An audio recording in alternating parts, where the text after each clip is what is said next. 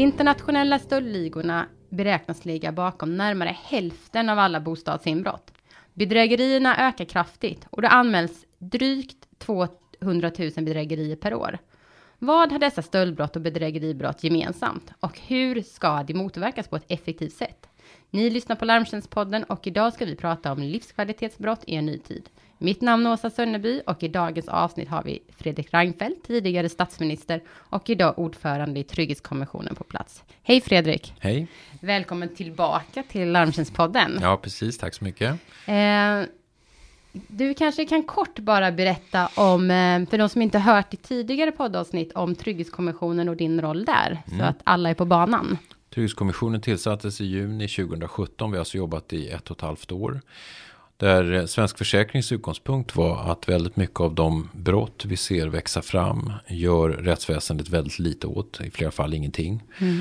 Och det finns en stor frustration över det. Det fanns en oro att det skulle påverka människors eh, trygghetskänsla och naturligtvis också en vilja att eh, agera mer brottsförebyggande. Och de bad oss helt enkelt att lära mer om detta och tala om vad vi kan göra åt det. Ni har eh, publicerat nu två stycken rapporter om eh, vardagsbrottslighet, men lite med två olika inriktningar kan man säga så. Ja. Eh, och den andra handlade om den nya tidens livskvalitetsbrott. Kan du bara kort berätta lite om vad vi menar med det? För det första livskvalitetsbrott är vårt sätt att fånga att det handlar om brott som kanske inte är de grövsta brotten med högst straffvärde. Men det är de stora antalet brott som begås i, i Sverige. Men vi har också lagt till ordningsstörningar. Vi har mm. tittat på vad människor upplever är trygghetspåverkande. Och eh, påfallande mycket handlar då om eh, ja, ungdomsgäng som låter och trimmade mopeder och klotter och att man inte tömmer papperskorgar. Om man för ihop det, då får man livskvalitetsbrottet. Och vi har då ställt oss frågan eh, naturligtvis hur vi kan agera gentemot dem. När vi kallar det den nya tiden, då tycker vi att vi ser nya fenomen. Det vill säga mm. gränserna har blivit mer öppna, rörligheten har ökat. Det är i grunden bra. Men det har också underlättat för kriminella att röra sig över gränser som man gör i eh, allt mer professionell metod, alltså i ligor.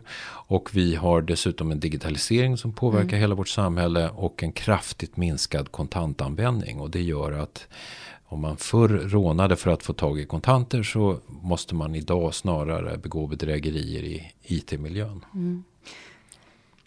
Eh, det här två då eh, Ehm, de här två brottstyperna som ni nämner och pratar om i just den här nu senaste rapporten, det är ju eh, de här internationella stöldligorna och då IT-brottsligheten som du är inne på. Eh, vad har de här, det låter som två stycken olika brottstyper som är väldigt långt ifrån varandra. Hur kan de hamna i en och samma rapport? Vad har de för gemensam nämnare? Och i, i sanning så är de ju delvis väldigt olika varandra. Men de har bägge det gemensamt att i en allmän känsla av att, eller eh, också fakta kring brottsligheten minskar på många håll. Så är det här de två brottstyper som ser ut att växa. Mm. Alltså, vi ser mer av internationella stöldligor, vi ser mer av bedrägerier. Och de har också det gemensamt att eh, rättsväsendet gör väldigt lite. Mm. För att lära om utreda eller lagföra brott som begås eh, enlighet med de här två, två olika sätten. Men eh, hur påverkar eh, de här båda brottsligheterna eh, tryggheten, eh, trygghetspåverkan? På vilket sätt? Alltså vi, tror, vi har ju definierat trygghet som att det är vår upplevelse av säkerheten. Alltså vår säkerhet är den faktiska risken att utsättas då för brott mm. eller ordningsstörningar. Och sen handlar det om vår upplevelse. Och det är klart, om vi själva eh, har erfarenhet av att bli utsatta för brott och det inte sker någon uppföljning. Mm. Eller vi hör ryktesvägen eller via media att i det svenska samhället så är det ingen som gör någonting åt en brottslighet som ser ut att tillta eller inte ens intressera sig för den. Då tror vi att det skapar en känsla av att det är ingen som har kontroll, det fungerar inte. Mm. Och det är trygghetspåverkande. Sen kan man ju tänka sig också att det är, om det är många som är utsatta för det, så även om inte jag kanske varit utsatt för det, så har jag ju säkert någon i min närhet som har både blivit utsatt för det och kanske inte fått så stor hjälp på vägen heller. Nej, och det där tror jag är en viktig utgångspunkt. Att mm Eh, när vi pratar med svensk polis och, och, då säger de att vi har ju politiskt stöd för att titta på det som har högst straffvärde. Mm. Ja, vad är vi då? Då är gängkriminella dödsskjutningar. Jag tror att alla har följt detta i media. Ja. Men ska vi vara helt ärliga, merparten av befolkningen ser ingenting av detta annat än i media. De lever inte nära de, de här händelserna. Mm. Däremot så är det mycket utbrett effekterna av stölder, tillgrepp, bedrägerier som precis som du påpekar till slut letar sig ner till jag känner också någon eller någon åldrande släkting eller mm. någon som har blivit utsatt. Och då kommer den här grundfrågan. Eh, dels någon har blivit utsatt för ett brott eller ett försök till brott och görs någonting åt det. Och om känslan är att nej det görs ingenting. Eh, då kommer den här känslan av brist på kontroll Eh, och det reagerar människor för. Och jag tror att det är det som har varit svensk försäkrings utgångspunkt. Mm. Att kan vi göra någonting åt det? Och väldigt ofta så blir då debatten hur ska vi beivra detta? Alltså reagera i efterhand. Vi har tyckt det varit väldigt viktigt att lära oss om trösklarna som gör att vi kan förebygga det. Mm. Så att vi så att säga förhindrar att det ens sker. Ni nämner här i er eh, rapport att det är eh, den här, de här två typerna av brottslighet nya utmaningar för rättsväsendet. På vilket sätt då? Jo, därför att rättsväsendet och svenskt sätt att hantera brott har mm. ju utgått väldigt mycket från social brottsprevention. Eh, vem är gärningsmannen? Eh, och det är oftast en han. Varför har det gått snett för honom i livet och hur ska vi få honom att ändra sig? Mm. Så sätter vi in alla resurser, sociala insatsteam och liknande. En väldig koncentration på gärningsmännen. Så har vi tänkt i 50 år. Och här kommer då brott som begås av människor som inte bor i Sverige. Eh, som kommer in under kort tid och sen lämnar. Mm. Eller brott som begås i en anonym IT-miljö. Eh, där vi så att säga inte får fatt i, i de som eventuellt opererar det på andra sidan. Och då ska vi ändå kunna vara relevanta mot brotten. Och då mm. menar vi att det är svårt för rättsväsendet, svårt för de sociala insatserna som tänker fortfarande social brottsprevention att inse att vi måste lära mer om själva situationen, tillfället, platsen, tidpunkten när brotten begås och det är där vi måste höja trösklarna. Eh, när det gäller stöldligorna så är det också påtagligt att man måste lära sig om systematiken. Därför att vi har tittat på en del av de rättsfall som trots allt finns. Men de delar ju väldigt ofta upp brotten mm. var för sig. Som då dessutom får väldigt lågt straffvärde. Mm. Och eh, där lagföringen inte blir så betydande. Eh, och vi menar ju på att poängen är ju systematiken. Mm. Att det är ligor, i många fall väldigt professionella. Mm. Se helheten. Ja, som ser helheten och gör den bedömningen när ni ser till straffvärde mm. och påföljd.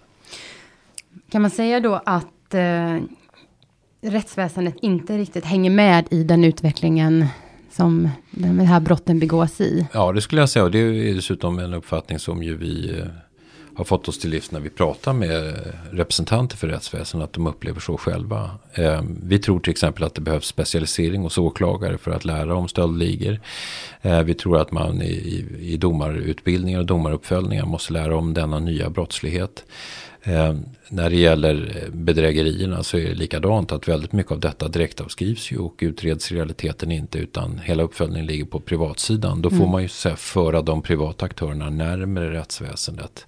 Ta del av deras utredningar, deras kunskap för att ändå försöka eh, beivra, eh, lagföra en del av de här brotten. För annars är det som att vi har rättsväsendet bara för en liten andel av de grövsta brotten och resten ska någon annat hand om.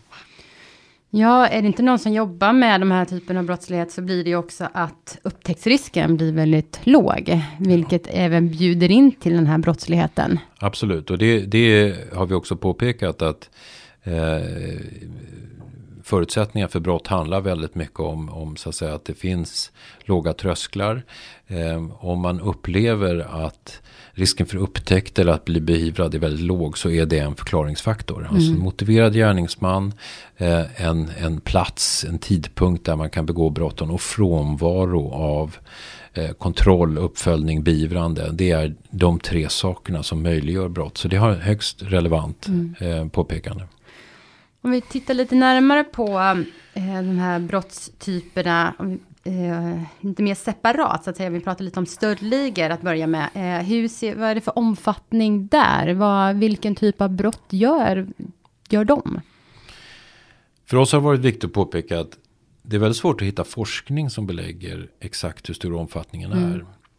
Väldigt mycket av beskrivningen av stöldligorna är anekdotisk. Alltså, mm. Vi känner till några fall. Vi har stött på och så. Mm. När vi tittar på lagföring återigen så är det väldigt ofta så att vi hittar enskilda domar men det är väldigt sällan som systematiken eh, nämns. Så vad är det egentligen för siffror vi kan tala om? I vår rapport så hänvisar vi då till uppgifter som ändå finns att 30 uppemot 50 procent av bostadsinbrotten har länkt till stöldligor. Mm. Eh, vi tror att det är ännu mer omfattande när det gäller båtstölder, när det gäller stölder av jordbruks och entreprenadmaskiner och när det gäller bildelsstölder. Ni nämner ju även att eh, det här är en professionell verksamhet. Det är ju inte det är ju väldigt planerat, det är inte vem som helst som kommer hit, utan det finns ju en eh, organisation bakom det. Kan du kort säga någonting om det med hierarkier och eh, hur ser det ut? Ja, och detta är också viktigt att ta in därför väldigt ofta så utgår vi från en eh, enskild gärningsman mm. som det har gått snett för i livet som ska finansiera sitt missbruk eller något sånt. Men här tycker vi oss se eh, professionella organisationer och eh, som dessutom är internationellt förgrenade. Vi tänker oss att det finns en beställare någonstans runt om i världen som till slut är den som tjänar mest pengar på detta. Och, som, mm. för, och som i de flesta fall inte ens förmodligen kommer till Sverige. Eh, det är enheter som kommer in i Sverige som vi har noterat när vi pratar med de som har jobbat nära det här. Uppträder professionellt. Man skulle när, näras, närmast tala om paramilitärt. Eh, alltså välutbildade, eh, vältränade män som gör detta i grupp. Ja, ni nämner till och med militärt jägarförband. Ja, vi har... undrar, alltså det har funnits uppgifter om detta, att det, det, det är väldigt välmotiverade mm. och vältränade eh, enheter vi mm. talar om. Och de kommer in och som vi menar får uppenbart hjälp. Därför mm. att det är inte så lätt att hitta i Sverige och veta vad man ska slå till om man inte får ett stöd och en hjälp. Det vi kallar för ankarpersoner. Eh, och dessutom så skäl de i en omfattning som kräver att man har omlastning eller förvaring. Det vi kallar ankarplatser. Mm. Och eh, kring detta, och det är väl vår allmänna slutsats, så vet vi trots allt för lite. Vi anar att det är en stor omfattning, vi tycker oss se att det växer. Vi tror att det påverkas av olika försök till att beivra och att förhindra. Det vill man i alla fall från de som jobbar med detta hävda. Det vill säga man tycker sig se att om ett land trycker till hårdare mot stöldligorna då flyttar de till ett annat mm. land. Mm. Och eh, det finns mycket fattigdom, det är många kriminella som måste finansiera sin livsföring. Eh, och de åker till länder där det finns stora resurser och det är därför Sverige är intressant. Mm. Vad händer med godset? Ja, det har vi också undrat. Och eh, en stor del av godset lämnar Sverige. Mm. Och det föder som väcker frågor om hur ser utförselkontrollen ut. Mm. Och vi menar att det är konstigt att tullen inte har befogenhet att kontrollera eh, annat än i vissa små specifika fall eh, stöldgods som de misstänker på väg ut ur landet. Nu har mm. regeringen tillsatt en utredning där man säger att man möjligen ska ändra på det. Vi får väl se om det blir så verkligen. Eh, gör man det så tror vi att det är mycket verkningsfullt. Polisen gör för lite när det mm. gäller utförselkontroller. Du menar att de ska få ökade befogenheter? Ja, de ska i, helt enkelt kunna, kunna titta på mycket mer av eh, gods som förs ut mm. och leta efter stöldgods mm. helt enkelt. Eh, det kommer ju väcka frågor om att vi måste bli bättre på att märka. Att man så att säga verkligen kan eh, belägga att det är stöldgods mm. som är på väg ut. Men om vi inte kontrollerar då blir det å andra sidan ingen motivation för att DNA-märka eller märka upp mer. För det är ändå ingen som kontrollerar. Så att saker och ting hänger ihop. Ja. Men utförsel är naturligtvis helt centralt. Och vi, vi tror ju, och jag vet att Svensk Försäkring har redovisat detta.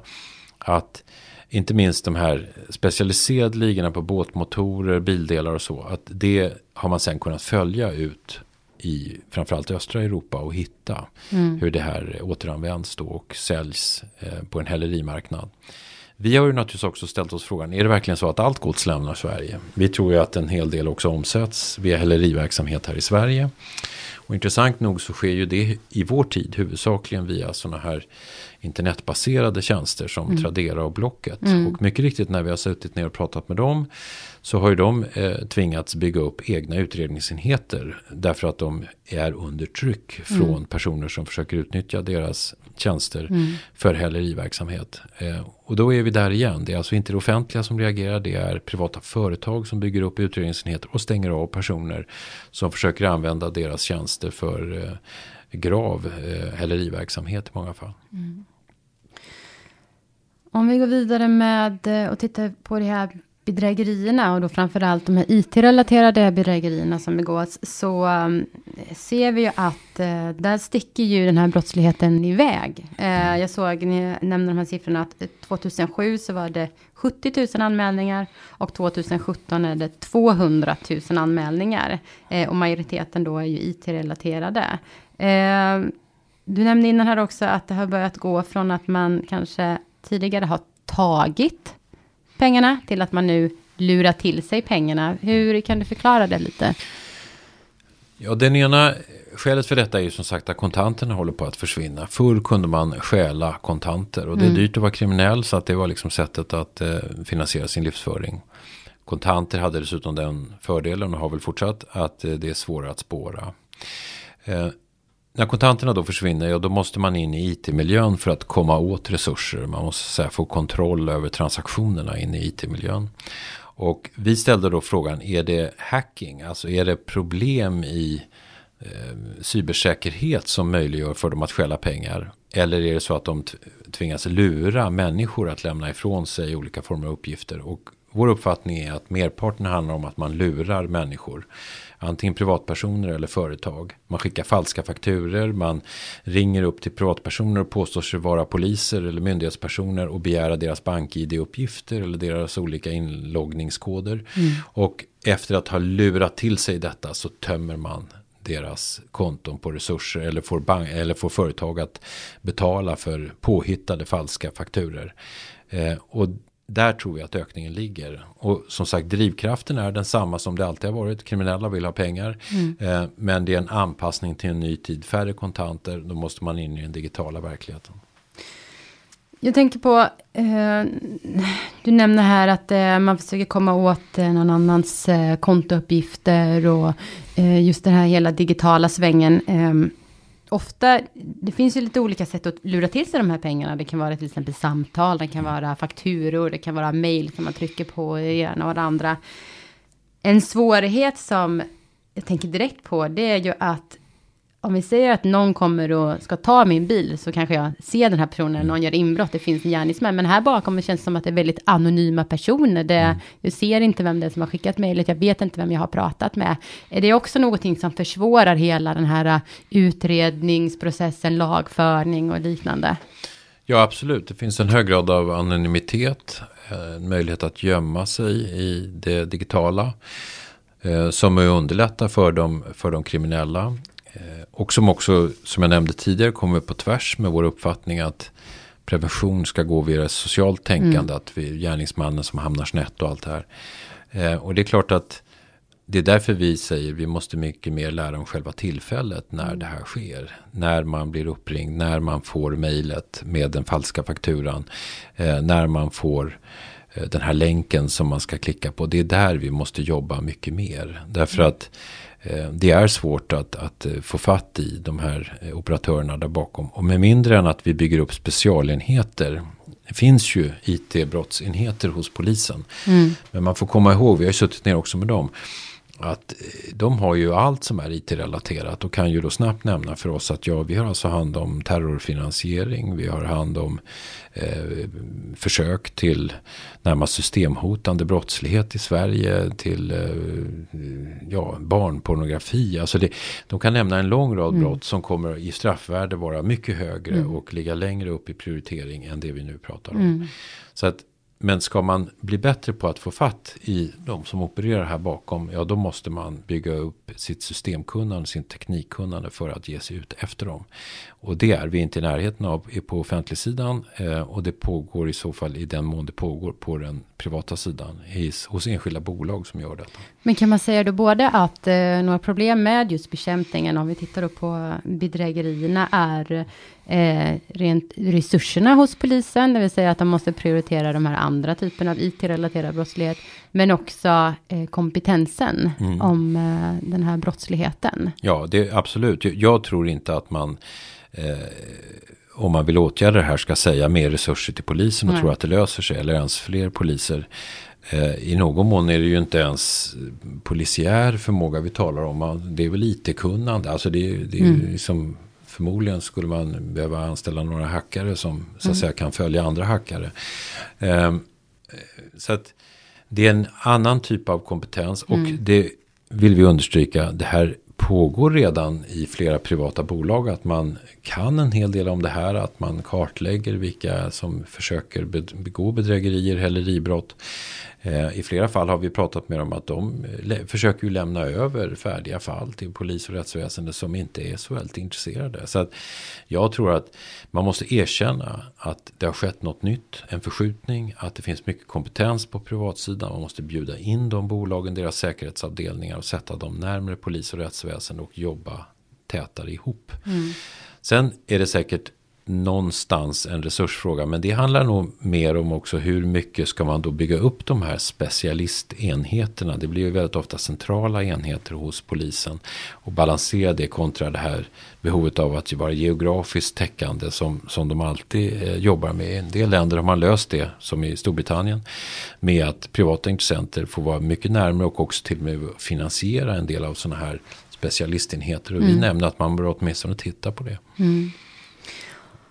Om vi ska konkretisera vad ni har kommit med en hel del, eller med några i alla fall, åtgärdsförslag för att bekämpa både de här typen av brottsligheten. Om vi börjar prata om, eh, vi är inne på bedrägeri just nu, vad, vad har ni för åtgärdsförslag där för att bekämpa eh, dess, denna brottsligheten? Vi uppfattar ju att rättsväsendet är väldigt offside när det gäller eh, den IT-relaterade bedrägeriverksamheten. De skulle helt enkelt behöva skaffa sig enheter som lär om detta och börjar utreda och lagföra en del av de här brotten. De får gärna ta hjälp av de privata aktörer som redan gör mycket av det här arbetet, föra dem närmre. Men vi skulle behöva exempel på mer lagföring för att både visa upp reaktioner, att vi inte accepterar det, men också för att lära om de här processerna. För det kommer också kräva Ehm, att åklagare förstår att eh, domstolar anpassar sig till en ny tids eh, brottslighet.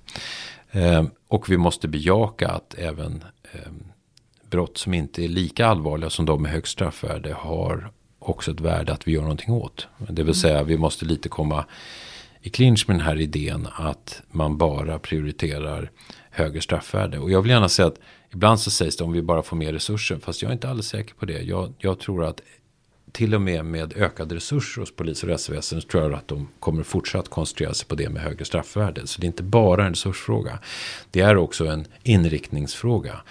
Vad ska rättsväsendet i Sverige och vad ska svensk polis ägna sig åt? Är det mm. alltså bara den grövsta brottsligheten? Och det är ju mm. en högst medborgerlig fråga som vi var och en av oss måste ställa oss. Mm. Jag tror att de flesta medborgare i Sverige skulle svara nej.